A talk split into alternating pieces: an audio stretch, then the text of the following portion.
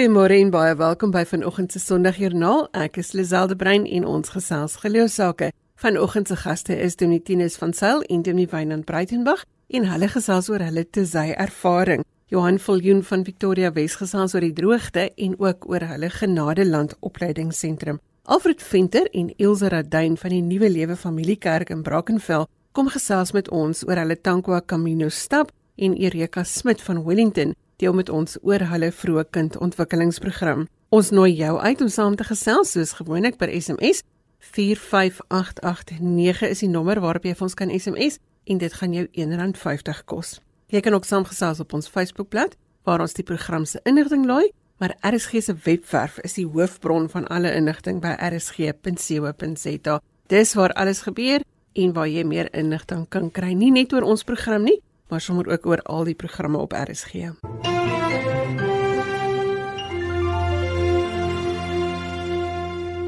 Hier by my in die ateljee vanoggend is Dominee Tinus van Sail en Dominee Wynand Breitenberg. Hulle is albei van die Durbanville Moedergemeente en hulle is pas terug van die Tesay byeenkoms wat in Suid-Afrika gehou word. Hulle lyk vir my albei 'n bietjie leep oog. Môre Tinus? Môre. Môre Wynand? Môre, môre.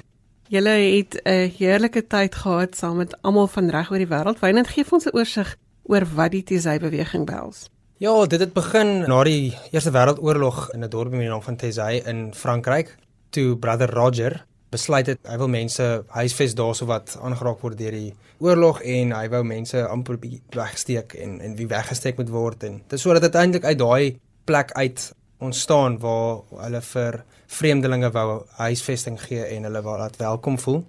Wat toe gebeur het is dat hulle stelselmatig amper die hele dorpie oorgeneem het en dit dan nou so groot kloostergemeenskap geraak het in die middel van Frankryk naby Dijon, baie naby aan Lyon. Dit is nou 'n wonderlike plek waar 'n klomp jong mense tussen die ouderdom van 18 en 35 reg oor Europa kom al duisende jong mense per jaar bymekaar veral wanneer die kerkkalender so sterker raak met Paasfees en Kersfees en so aan is dit jy weet 7 8000 jong mense wat bymekaar kom en dis nou onder leiding van Brother Alois. So dis 'n lekker gemeenskap om by te wees. Ek hoor jy het al daai uitsprake so lekker op die tong want jy was nou tussen die mense gewees.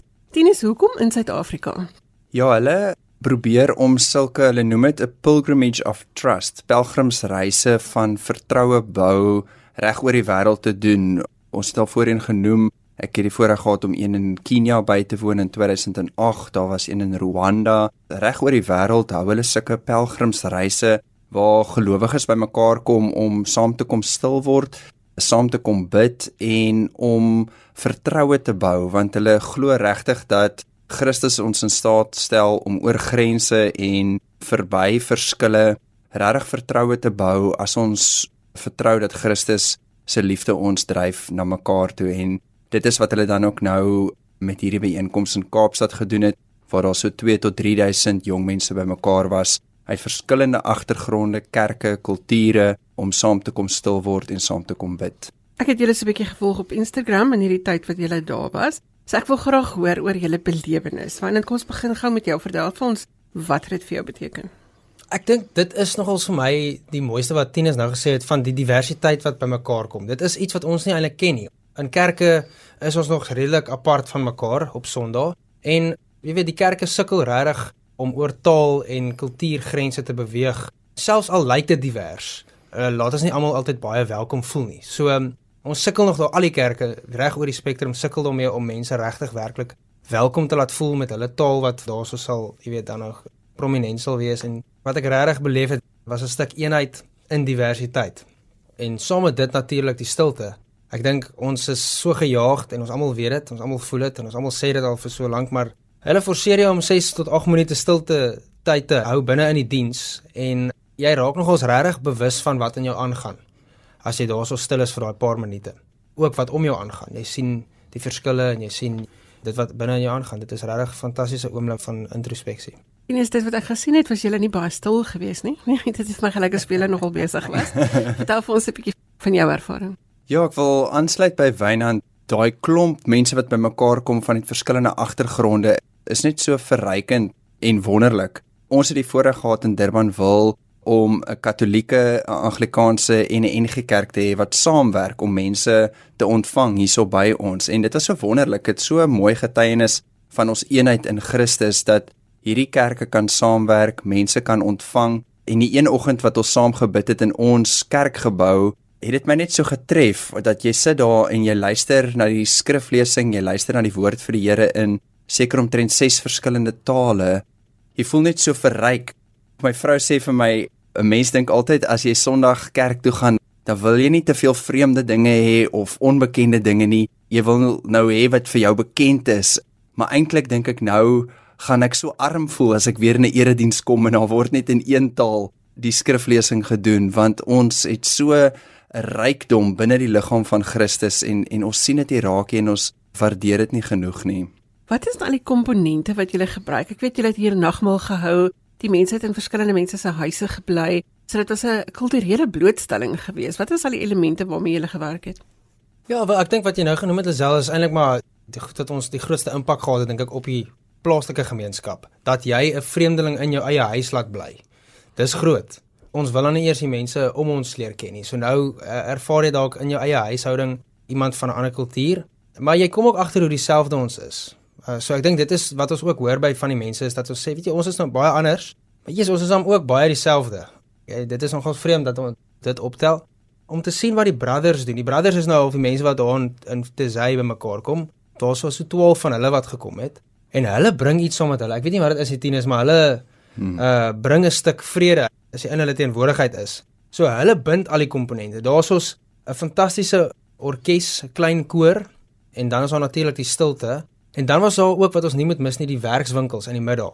Wat gegaan het oor verskriklike wye onderwerpe, alles van jou persoonlike reis as 'n pelgrim in die lewe tot by hoe met mense wat op die straat bly te werk. Regdeur tot by hoe lyk kerk eenheid en dan weer, jy weet, wat is dit hoe hoe lees ons die woord? So die werkswinkel saam met die stilte en die kontemplatiewe spasie waarin jy is, saam met dit wat ons by ons huise beleef het, dink ek saam is dit so verrykend dat jy kan nie verander daar wegstap nie. Jy jy jy's jy verander, jy's regtig net uh, in jou diep siel verander daardeur. As ek uh, miskien kan byvoeg ook wat my getref het is ons praat baie oor gasvryheid en ons het 'n hele gasvryheidsindustrie, maar dit is meer daarop ingestel om mense op baie luks te verwelkom en luks te laat tuiskom.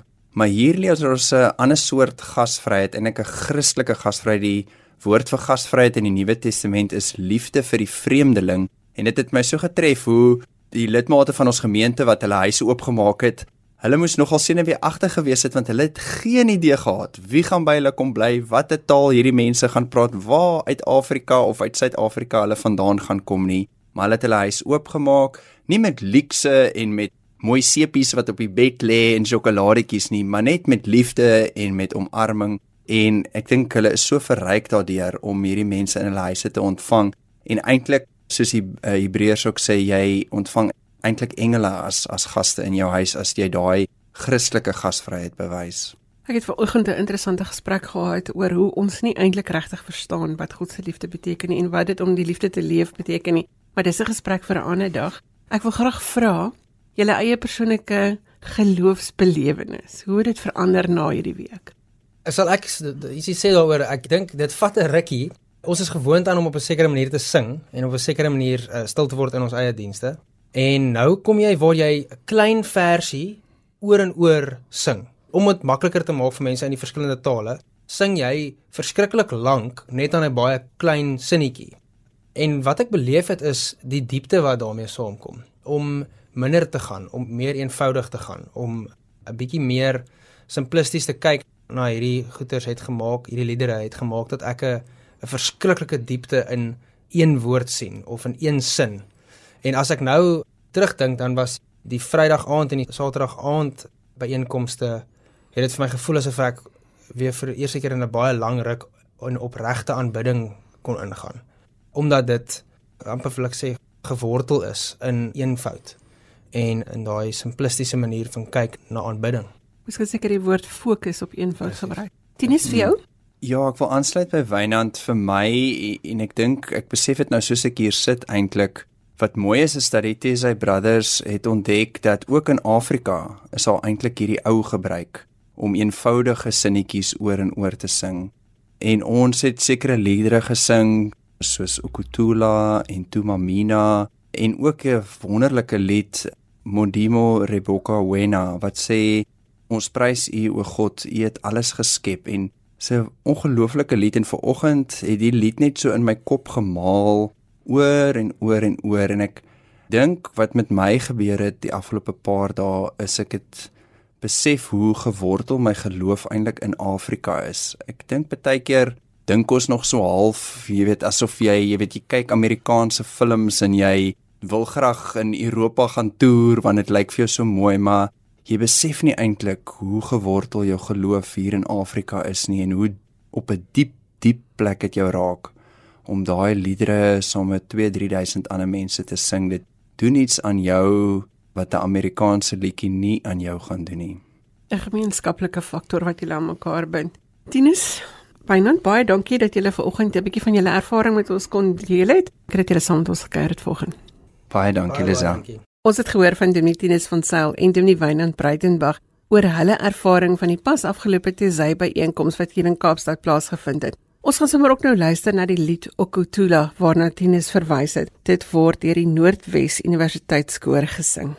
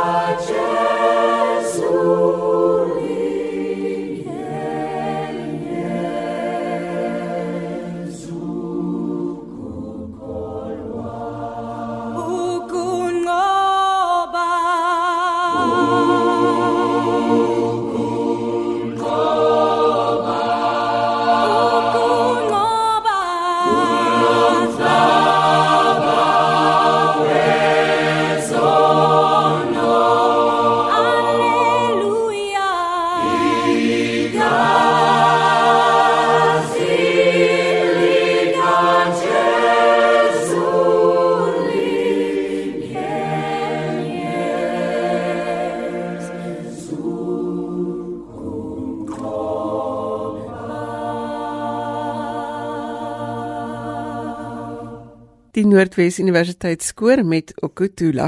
As jy sopas ingeskakel het, sê ons goeiemôre. Die program is Sondagjoernaal op RSG 100 tot 104 FM, waar ons vroegoggend hoor wat die rol is wat geloof in mense se lewe speel. Gaan maak gerus 'n draai op RSG se webwerf. Die adres daar is rsg.co.za en daar kan jy inligting kry oor ons program en sommer ook oor al die ander programme. Gesels saam by 45889 teen R1.50 per SMS om ook jou ervaring met ons te deel.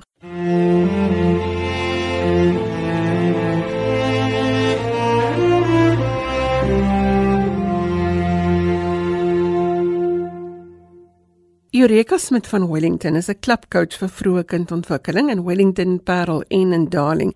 Sy is lidmaat van die enige gemeente Wellington Oos en ons hoor vanoggend by haar oor hulle projek en hoe dit aangepak word. Goeiemôre Eureka. Môre Lisel en luisteraars. Wat beteken dit as ek sê jy's 'n club coach? Watter program is jy deel van en hoe werk dit? Weet jy voor ek kan vertel wat is 'n club coach, moet ek dalk eers sê watter program ons hanteer en hoe dit in mekaar skakel. Nou Smart Start is 'n nasionale sosiale franchisee wat daarop mik om die toegang tot gehalte en bekostigbare voorskoolse leergeleenthede vir jong kinders in Suid-Afrika te vermeerder. Die Smart Start program is gemik op die 3 tot 4 jarige kind in areas waar ouers nie noodwendig voorskoolse onderrig kan bekostig nie. Deur vrouens, maar mans ook te bemoedig en te bemagtig om die smartstad program in speelgroepe, dagsorg en ander programme aan te bied. Nou die struktuur van smartstad bestaan uit die smartstad hub of hoofkantoor wat in Johannesburg gebaseer is en dan is daar verskillende organisasies of franchisors waarvan daar 14 in Suid-Afrika is. En ek is deel van die Diakonia franchisor. Nou Diakonia is die gemeenskaplike diensgroep van die NG Kerk en die VGK Kerk. Nou uit die franchisors word daar klap coaches aangestel waarvan ek dan nou een is en ek is betrokke in Parel, Wellington, Darling en Citrusdal. Nou Diakonia het sewe klap coaches en waarvan een in die Noord-Kaap is en die ander is maar versprei hier in die Wes-Kaap. Dit beteken reg oor die NG Kerk in die gemeenskap is daar plekke waar daar vroeë kindontwikkeling aangebied word. Ja, definitief. Wat is die gemeente se betrokkeheid by hierdie projek, Erika? Jy elke gemeente verskil maar. Elke gemeente is uniek. So daar's nie 'n een resep wat werk vir almal nie. Ek kan af praat uit my eie gemeenskap uit, my eie gemeente uit en daar kan ek sê my gemeente ondersteun my regtig baie. As ek ietsie nodig het of so, dan kan ek na die gemeente toe gaan en hulle is altyd bereid om te help.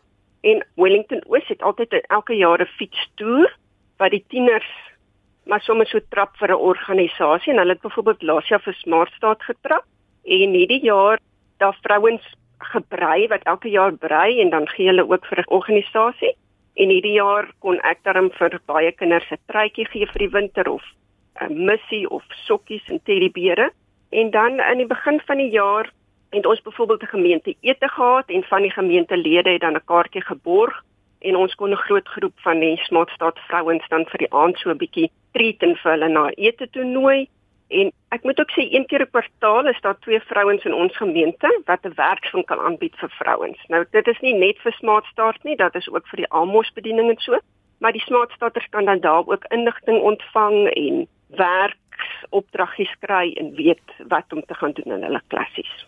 Wat is die resultate van julle projek? sien julle vordering in die gemeenskappe?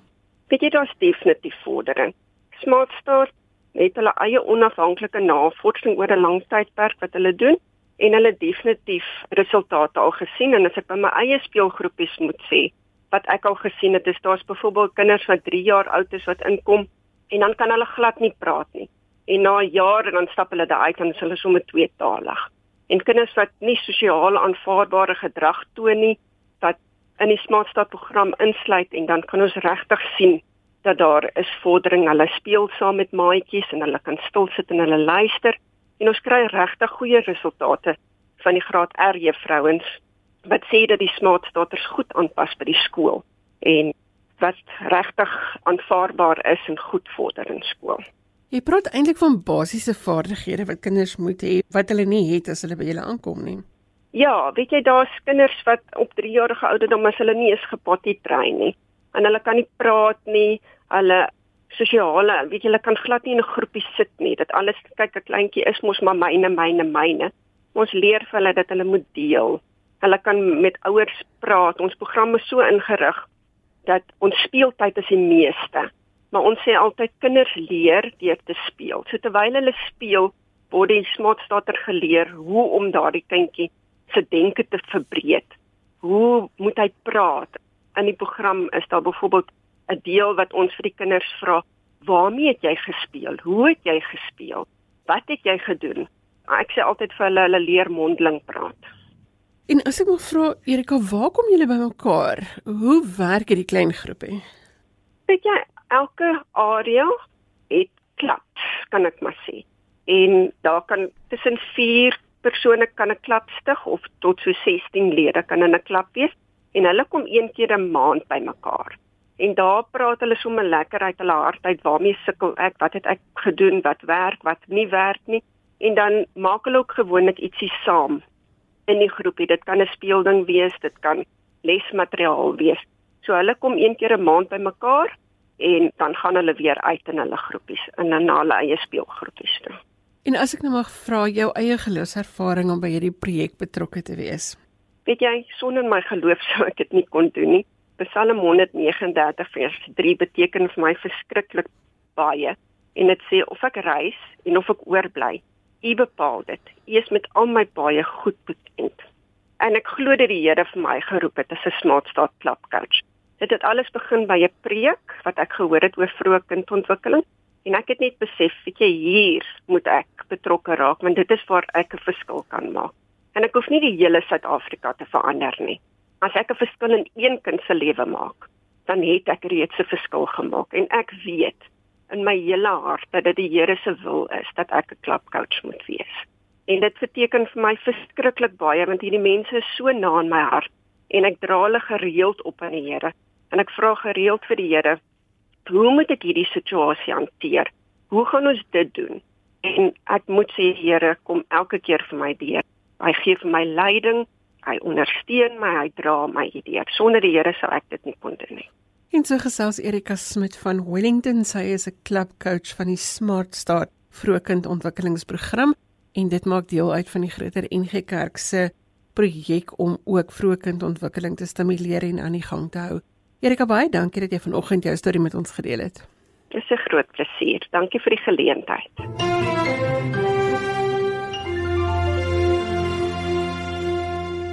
Goeiemôre hier vanuit Kaapstad. Jy luister na Sondagjoernaal en ons soek al die positiewe stories waar geloof 'n verskil maak. Nou as jy een van daardie geloofstories het, dan kan jy gerus van jou laat hoor. My e-posadres is lizel@wwmedia.co.za. Dit is lizel l i z e l e by wwmedia.co.za. Ons gesels geloofsake tot kort voor 8uur wanneer ons oorgee vir die nuus.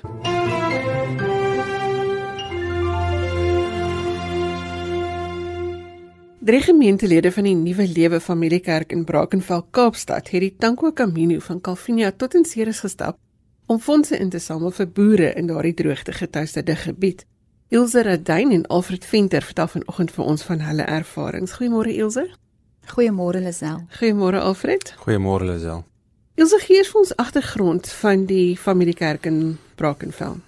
Ons is so 10 jaar oud al. Ons is 'n onafhanklike gemeente en ons hart is regtig om behalwe net vir gemeentelede om 'n verskil in hulle lewe te maak, is ons hart om ook vir die gemeenskap iets te doen en om in mense daar buite se lewens 'n verskil te maak. So ja, dit is maar van per se in kort waarvoor ons staan. Hoe groot is die gemeente? Ons is nie 'n groot kerk nie, dit is hoekom ons ook 'n familiekerk is. Dis deel van dit dat ons soos regtig soos 'n familie is. Daar is so 150 lidmate op hierdie stadium en dan besoekers wat inkom en deur beweeg ensovoorts, maar ons is nie 'n groot gemeente nie. Alfred nou, hoe besluit julle dan nou jy's om die Tankwa Camino te gaan stap? Ja, Lisel, laas jaar was ons 'n groepie van 5 gewees. Ons het die pelgrimstog van hoop gestap, uh, as die stap vir hoop. Waar ons uh, ook 'n fondsinsameling gedoen het vir drie instansies in Kelsrivier en in Brackenfell en dan in Kraaifontein. En uh, dit was so 300 364 km so oor 'n tydperk van 14 dae. En uh, ons het net weer besluit hierdie jaar dat ons dieselfde tipe fondsinsameling effek wil hou. En uh weet dit tot ons maar besluit op die Tankwa. Kan ek net vra is julle stappers? Nee. Dit ek ek kan voor daar's 'n paar interessante stories om te hoor. Elsje kan ek net eers gou gevra hoe besluit julle vir wie om fondse te gee? Ek het dis maar 'n saam dink en saam bid. So iemand kom met 'n idee en ons lê dit voor aan die leiers en ons bid saam en ons besluit saam oor vir wie dit moet gaan. Soos Alfred nou gesê het verlede jaar was vir drie instansies wat kinders versorg en hierdie jaar ek dink omdat die droogte so intens was en omdat ons dit in die Kaap ook so ernstig gevoel het. Ons hoor lankal van die droogte in die Karoo of ons weet lankal daarvan, maar toe jy dit skielik ook aan jou lyf ervaar, was dit amper 'n spontane besluit gewees om dit te doen vir boere in daardie omgewing. Ja, en ek dink ons dink omdat dit reën is die droogte se rug gebreek, maar ons hoor regtig gruisame stories van boere nog oor hoe hulle diere doodgaan en hoe daar nie kos is nie ja. en al die tipe van dinge. So ons moet regtig nie dink dat dit gebreek is nie. Daar Absoluut. is nog mense wat 'n groot nood het. As ons praat van geloof, Alfred, wat was jou ervarings op die stap? En ek stel nou veral belang omdat jy nie stappers is nie. Die Tankwa Camino is nie 'n maklike stap nie. Dis droog, dis ja, ver. Ja. Nee, nee, maklik is dit glad nie. Met die eerste paar dae was was nogal baie warm. Dis maar 'n warm area. So ons het nogal het in die 30 grade Celsius gestap die eerste paar dae. Weet aan die begin is dit nog weet die adrenalien wat pomp en weet al daai opgewondenheid en al daai tipe van dinge, maar hier na die derde dag dan dan skop die realiteit eintlik aan. Want dan begin die voete bietjie seer raak of die blaas dop op uit en daai tipe van goeters. Maar dis 'n weet vir jou geestelike lewe. Is dit amazing ding om te doen. Daar's tye wat jy heeltemal alleen stap, uh weet vir kilometers en kilometers en dit is stil om jou jy daar's nie selfoonopvangs nie. Daar's nie Daar was vir dae amper nie voertuie gewees wat die pad gebruik het nie. So dis maar net weet so nou en dan as dan 'n stapper verbykom of jy kom by 'n ruspunt of so iets wat jy bietjie met mense kommunikeer en so aan. En weet die feit dat jy as jy daar stap, ehm uh, weet wat vir my nogal wat vir my nogal swaar was is as jy so om jou kyk en jy sien nie lewe nie. Dit het my nogal getref. Weet jy stap so en weet die bos, die Karoo bossies is besig om te vrek en jy sien nie 'n skaap nie, jy sien nie 'n dier daar nie. Jy hoor nie eens 'n voeltjie nie. Dit is nog een van die interessantste goed wat vir die eerste 3, 4 dae het ek nie eens 'n voeltjie gehoor chirp eers nie. Soos jy in die pad stap, al wat jy miskien sien is 'n miskryer wat oor die pad hardloop op soek na iets. Maar verder weet is alles is letterlik soos in dood. Ja. Wat gebeur in jou gees as jy met hierdie alleenheid gekonfronteer word? Ja, dit is 'n uh, weet jy konnekteer met God op 'n heeltemal 'n anderste manier. Soos ek sê daar's nie steurnis nie, daar's nie die weet die die besigheid van die wêreld om jou uh, wat jou aandag aftrek nie. So as jy loop met ek mag geloop en bid en ek het maar die Here gevra om regtig ware deurbraak te bring vir die boere in die gemeenskap en uh, weet om reën te stuur. Weet al kom die reën nou, gaan dit nie 'n dadelike oplossing wees nie, maar dit uh, weet dit is 'n begin. Weet God weet wanneer en hoe en hoeveel uh, reën om te stuur en hy weet die perfekte tydsberekening. Maar is 'n dieper koneksie wat jy met God het en 'n meer intieme koneksie wat jy met God het op daai tyd. En is eintlik al wat jy het want jy moet net een voet voor die ander en sit en Dis feit ja. Ja, jy ja. moet met iemand praat. Ilse het jy die vorige stap meegemaak of Ja, ek het. Ja, ek was toe een van die vyf wat gestap het. So jy is nie net verantwoordelik vir die admin nie. Nee, glad nie. Nee, ek sou hierdie een ook gestap het, maar weens uh, bepaalde goed moes ek toe onttrek, maar my hart was stikkend daaroor. en die sleg was dat 'n mens nie eers kontak gehad het in die tyd nie. Hmm, hmm. Maar ja, verlede jaar was ook absoluut wonderlik om dit te kon doen. Watter terugvoer kry julle van die mense wat julle help? Byvoorbeeld nou die boere of die kinders. Kom ons praat oor verlede jaar se stap. Maak dit 'n verskil as 'n mens hierdie fondsinsameling gaan doen as jy gaan uitreik? Definitief. Verlede jaar byvoorbeeld toe ons ek self het die een plek gebel en vir die vrou gesê dit is wat ons wil doen, sal julle omgee as ons van die fondse met julle deel. En haar reaksie was dit het my in trane laat uitbars want sy het net gevra, "Hoekom? Hoekom wil julle dit doen?" En op die uiteinde met almal met wie ons dit gedeel het, was daai reaksie ook As dit nie die Here is wat dit in julle harte gelê het nie, hoekom anders sal julle dit wil doen? So ja, dis verblydend, dis lekker om dit te hoor en op die einde van die dag kan ons net sê alle eer gaan na die Here toe want as hy dit nie in iemand se hart bewerk nie, dan sal dit nie gebeur nie uit onsself. Sal ons nie sulke oulike plannetjies uitdink nie. Hmm. En dit is nie 'n maklike ding nie, dit vat tyd. So, dis nie iets wat vinnig kom ons gee net uit ons gemaksigheid, gee ons gou-gou iets en dan is ons getroos dat ons nou help nie. Alfred sal jy dit aanbeveel? Die tankwa.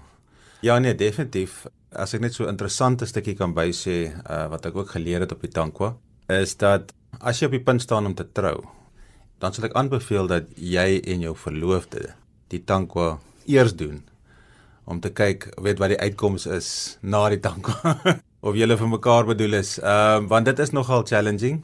Ek meen ek het daar gesien hoe hoe daar's daar's 'n hele paar paartjies gewees uh, wat saam gestap het en weet jy wat so amazing is is net die uh weet die band wat daar tussen gevorm is met die een wat se voete seer is en die ene wat daar met massage en hierso met 'n blaas ge weet deurgewerk word en uh, weet 'n um, thiolite of uh, vryersbalse moet daar ingespuit word en dit is 'n seer storie. Weet hoe hulle eintlik hegter aan die ander kant uitkom. En uh, ek sal dit definitief aanbeveel en uh, veral as jy op trou staan sal ek dit ook baie baie aanbeveel dat jy seker maak dat die dat jou partner die regte een is. So al stap jy alleen daar's altyd een of ander vorm van 'n verhouding waarin jy is. Ja, ja, ja. Nee, definitief. Ek meen die vriendskappe wat gesmee is op daai stap tog is nogal amazing.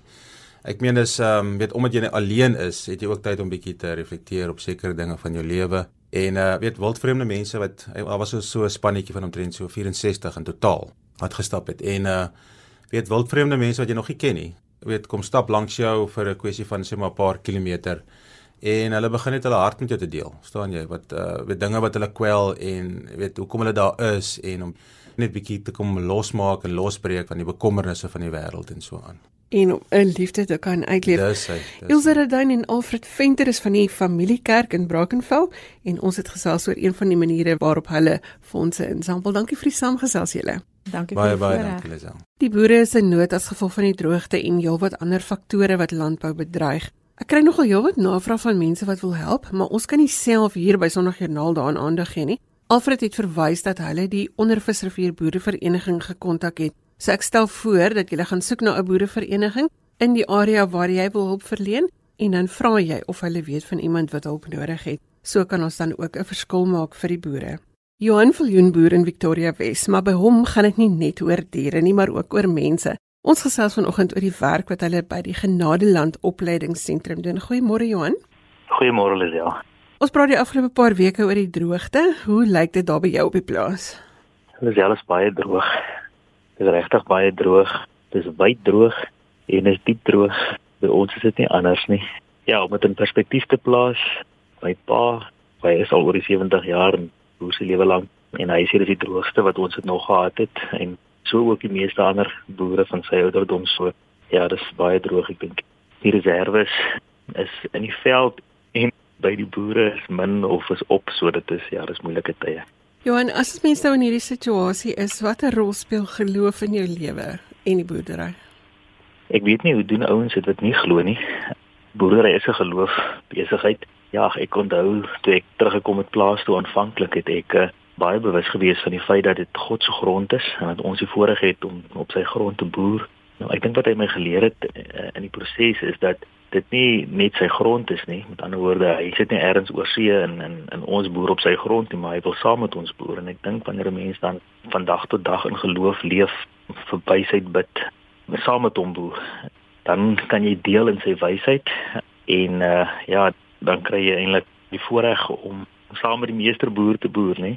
So ja, geloof speel 'n geweldige groot rol. Veral wanneer dit dan ook so droog raak, nê? Mense besef hoe afhanklik jy van die Here is en jy nie meer bid met 'n beursie wat daarom so 'n bietjie van 'n backup is nie. Dan raak jy opnuut bewus hoe afhanklik jy van hom is. Ek, ek sê nou eendag vir 'n vriend van my, ek weet nie meer hoe om te antwoord as mense vra hoe dit gaan nie. En toe sê sy vrou, "Maar sê geseënd, want geseënd is die wat weet hoe afhanklik hulle van God is." En ja, gaan in hierdie tyd beleef ons so sy sy seën ons beleef hoe hy ons help van dag tot dag, hoe hy op wonderlike maniere voorsien. Jy besef hy's nie net saam met jou op die plaas nie, maar ook by ander ouens waar dit beter gaan en ouens wat hulle hande en hulle harte oopmaak en voer skenkings doen, ouens wat vir jou ja, wat vir jou afslag gee, wat vir jou op allerlei maniere ondersteun. Ek dink baie van ons ouens wat in die droogte boer ervaar dit, so ons is geweldig dankbaar. Ag en dan ervaar mense, ek meen nou eendag vertel 'n ander boer vir my hoe die fonteine weer by hom begin loop het.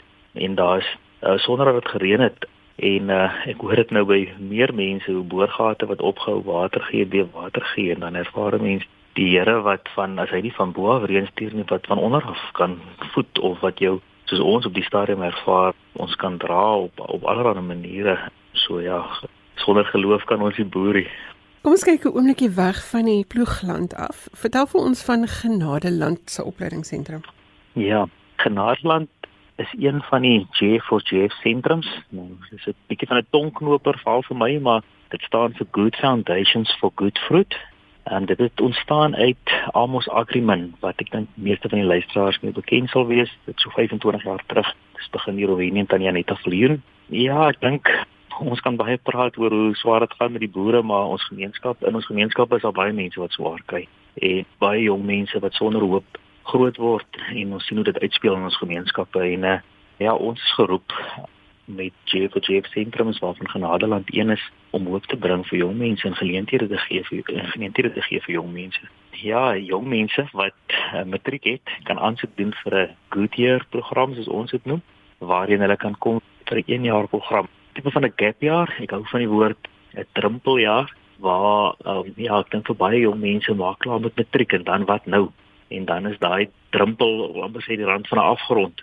En ek glo met die Boetier program kan ons jong mense uh help dat hy ja, ja, op 'n leer vlieg basis. En ek dink die program gaan in in die eerste plek daaroor dat jong mense hulle identiteit in die Here vind en as hulle hulle identiteit in die Here gevind het om dan eienaarskap van hulle lewens op te neem. So glo ons eers eienaarskap van hulle lewe weggee en dan eienaarskap van hulle lewe opneem met die wete dat die Here die eienaar van hulle lewens is en dan om te groei om persoonlik te ontwikkel om leierskapsvaardighede vaardighede wat verhoudings aanbetref, wat kommunikasie aanbetref, wat 'n regtige omvattende program waardeur hulle aan die einde van die jaar groei en regtig volwasse word om die uitdagings wat hulle voorlê baie beter die hoof te kan bied.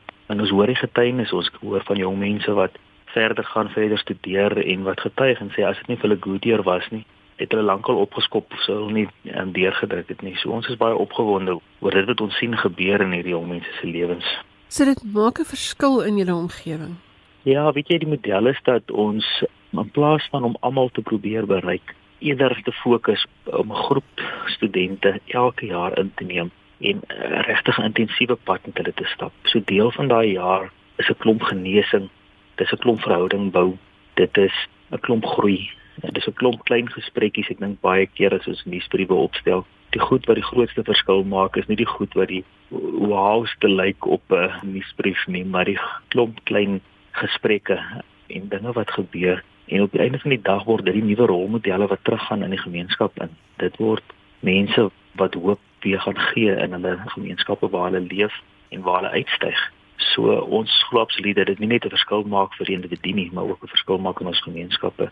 En ek meen 'n nuwe generasie paas, 'n nuwe generasie ma's, 'n nuwe generasie ouers, 'n nuwe generasie boere wat kan deur die program kom, nuwe onderwysers op wat ook al die pad van hierdie studente gaan wees vorentoe. So Ek is baie opgewonde en ons sien dit gebeur. Ons is nou nog in ons tweede jaar.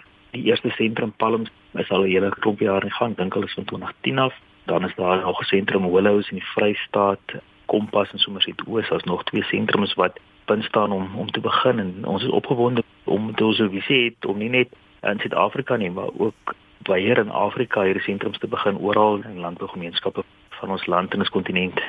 Johan op 'n persoonlike vlak, wat 'n verskil maak dit in jou lewe en miskien ook jou geloofslewe om uit te reik so en om ander te bemagtig? Ek dink my persoonlike ervaring is dat mense heel meeste groei wanneer jy in gehoorsaamheid en in geloof uitgaan en doen wat die Here van jou vra. So ek ervaar 'n geweldige klomp groei daarin. So ek is dankbaar vir die voorreg. Dit is 'n geweldige voorreg om deel te kan wees in dit wat die Here mee besig is. En ek ervaar hoe hy my in die proses uitdaag en hoe ek die proses groei. En so gesels Johan Viljoen, hy is 'n boer van Victoria Wes omgewing en ons het gesels oor hoe hy terugploeg in die gemeenskap waar hy boer. Johan, baie dankie vir die saamgesels vanoggend. Groot plesier, baie dankie vir die geleentheid. En daarmee het tyd geword vir ons om te groet. Ek het gesels met Dimitrinus van Sail en Demi Wynand Breitenberg oor hulle tesy ervaring en Erika Smit van Wellington het vertel van hulle vroeë kindontwikkelingsprogram. Johan Viljoen van Victoria Wes het gesels oor die droogte en ook oor hulle Genadeland opleidingsentrum. Sy e-posadres as jy met hom wil kontak maak is Johan V by GF die syfer 4 GF Centers die Engelse Centers .co.za. Ek herhaal dit gou, dis Johan V by GF 4 GF Center C E N T R E S.co.za. Alfred Venter en Ilse Radyn van die Nuwe Lewe Familiekerk in Brackenfell het ook vertel van hulle dankbaar Camino stap ten bate van die boere in nood. Dit is wanneer Suid-Afrika laer trek, wanneer daar nood is en ons alles kan probeer doen om te help om die nood te verlig. Jy kan vir my e-pos met kommentaar of as jy 'n gelees storie met ons wil deel, my e-posadres is lizel.l.e.z.e by www.media.co.za. Tot volgende week, totsiens.